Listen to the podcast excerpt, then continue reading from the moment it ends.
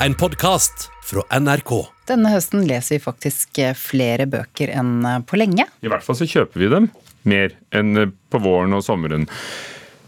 Det er ikke romanene som lokker, men bøker om virkeligheten.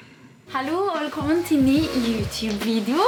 I denne videoen her så skal jeg lage en jakke av denne soveposen her. Bøker som kan lære en å sy, snekre eller lage mat. Eller bøker om livet til påvirkerne på Instagram er populære nå. Det kalles sakprosa, og salget av denne typen bøker har økt med hele 10% siden samme tid i fjor. Se på de retro, deilige fargene her. Ingrid Vik Lysne lever av å lære andre å sy gjennom sosiale medium. Hun er en av forfatterne bak boka 'Sy med Ingrid og Ingrid'. Vi håper jo at boka vår inspirerer folk til å kunne lage klær av de gamle tekstilene de har liggende, som de ikke ønsker å bruke til andre ting. For det fins så mye fine tekstiler der ute som kan bli til plagg. Boka er den nest mest solgte sakprosaboka i høst. Vi ble kjempeglade da vi så at det gikk så bra som det gikk, da. Bøker skrevet av kjendiser fra sosiale medium er en av grunnene til at det er en god bokhøst. Bøker om livet til påvirkerne har toppa bestselgerlistene halve høsten. Påvirkeren Mats Hansens bok er den flest har kjøpt, og forrige veke var det bloggeren Sofie Elise sin nye bok som toppa lista. Kjøperne er ofte folk som sjelden åpner ei bok. Disse forfatterne trekker et nytt publikum til bøkene si vær, sier Tuva Ørebekk Sørheim, som er sjefsredaktør i Kagge Forlag. Jeg tror at man føler at man kjenner en influenser fra Instagram, vet hva de står for og har lyst til å lese med. Og da er en bok et eh, fint format, for det er mer enn en daglig oppdatering. Det er en, en bok som du kan ha med deg og tilbringe mange timer med og kose deg med. Det at sakprosaen omfavner så mange typer bøker, kan være en av grunnene til at han gjør det så bra, sier Heidi Austlid, som er direktør i Forleggerforeningen. Det er viktig å tenke tenke at denne litteraturen den treffer et ganske bredt segment av eh, lesere. Det er historier man kan eh, kjenne seg igjen i. Det er eh, situasjoner man kan kjenne seg igjen i, eller saker man generelt sett er engasjert i og søker mer kunnskap om. Den forteller historier fra virkeligheten, noe som vi er svært opptatt av i dagens samfunn. Sakprosaen har fått en vekst, både fordi at den satses på i forlagene, men også fordi den blir stadig viktigere viktigere for leserne. Ikke minst fordi den muliggjør både grundig og tilgjengelig faktaformidling i en tid hvor både falske nyheter og raske skifter dominerer. Så da bare bretter jeg opp litt på mønsteret sånn her. Jeg tror boka traff så bra fordi vi er i en sybølge nå, eller en kreativ bølge. Der veldig mange har lyst til å skape sine egne klær. Både av miljømessige årsaker, men også fordi det er kult å, å skape egne klær og få en helt individuell stil. Så bare sy sånn sikksakksting langs kantene sånn. Og jeg tror liksom, ja, Sånne bøker som du faktisk kan bruke da, til å lage noe eget. At det er lettere, lettere å lese, da, mer tilgjengelig. Boblejakka er ferdig. Reporter var eh, Emily Louisa Milland Eide. Den svenske skuespilleren Sven Wolter er død, 86 år gammel. Han døde av covid-19-sykdom etter at han ble smittet av viruset i oktober. Reporter Aida Korami, hvilke roller var Sven Wolter mest kjent for? Wolter har spilt i flere kjente filmer og TV-serier, som Englagård, Mannen på taket og den norske filmen Smykketyven fra 1990. Han har også hovedrollen i dramakomedien Dag for dag, som har premiere neste år. Han har vært veldig aktiv i karrieren og har annet hatt eget radioprogram, skrevet tre romaner og gitt ut to plater. Her kan vi høre han synge en svensk versjon av Leonard Cohens I'm Your Man.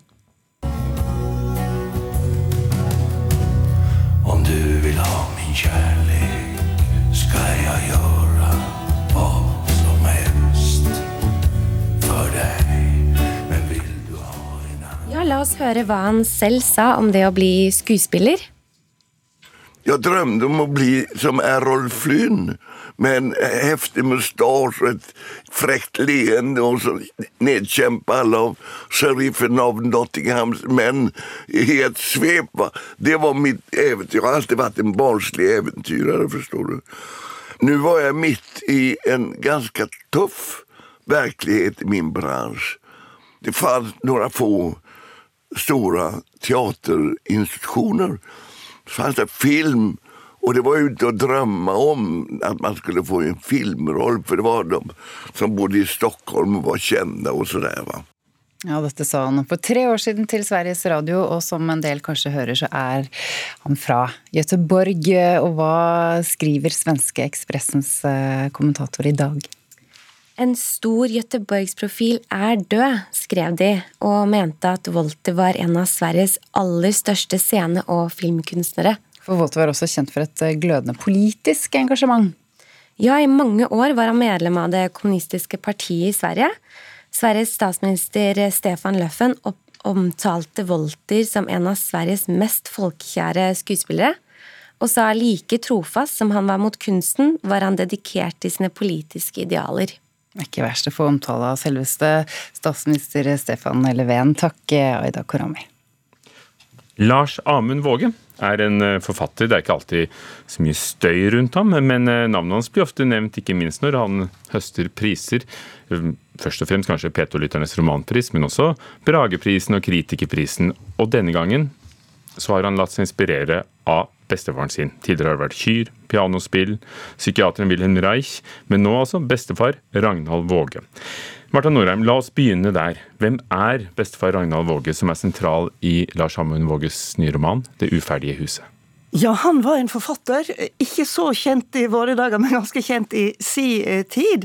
Han eh, debuterte i 1912, altså litt etter eh, Sigrid Undset og Olav Duun og, den gjengen der. Han var ifra Kvinnherad i Sunnhordland, og ifra bondeslekt. og nå er ikke jeg noen leser av Ragnvald Våge, men jeg skjønner at, at han, han, skriver både om heimstad og det heimslige, men også mer sentrallyriske ting som havet og kjærleiken-tematikker.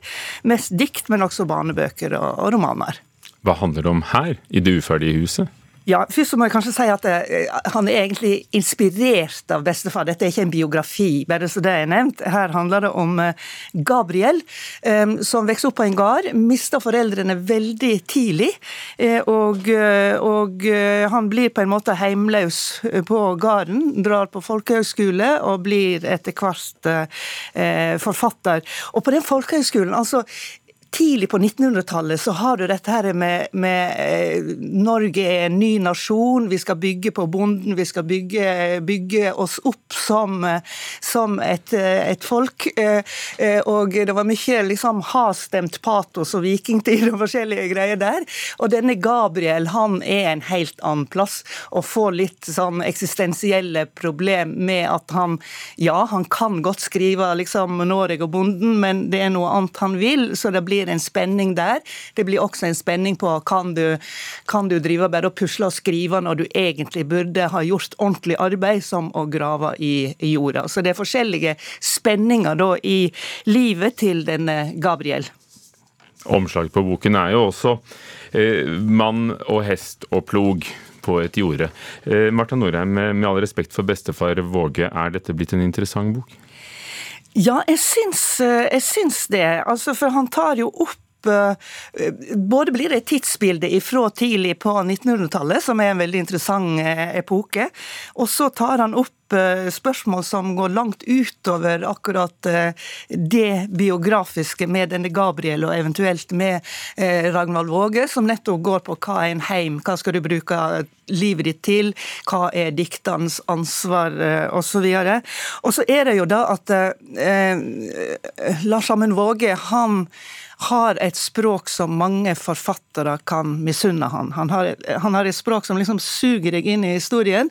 Han skriver ofte langsom prosa. Ofte så kommer han tilbake igjen i sløyfer, tilbake igjen til det han har skrevet før. Så en må ikke ha veldig travelt, egentlig. Men hvis en liksom synker ned i dette her, så er det en veldig vakker prosa, en veldig klok, eh, klok og reflektert bok, med en, vil jeg si, iallfall for meg, svært overraskende slutt. Kanskje igjen slikt stoff som eh, litterære priser er eh, laget av? Skal ikke se bort ifra det. Takk skal du ha, Marta Norheim. Lars Amund Våges bok 'Det uferdige huset'. Alle anmeldelsene våre finner du på nrk.no anmeldelser. Du har hørt en podkast fra NRK. Hør flere podkaster og din NRK-kanal i appen NRK Radio.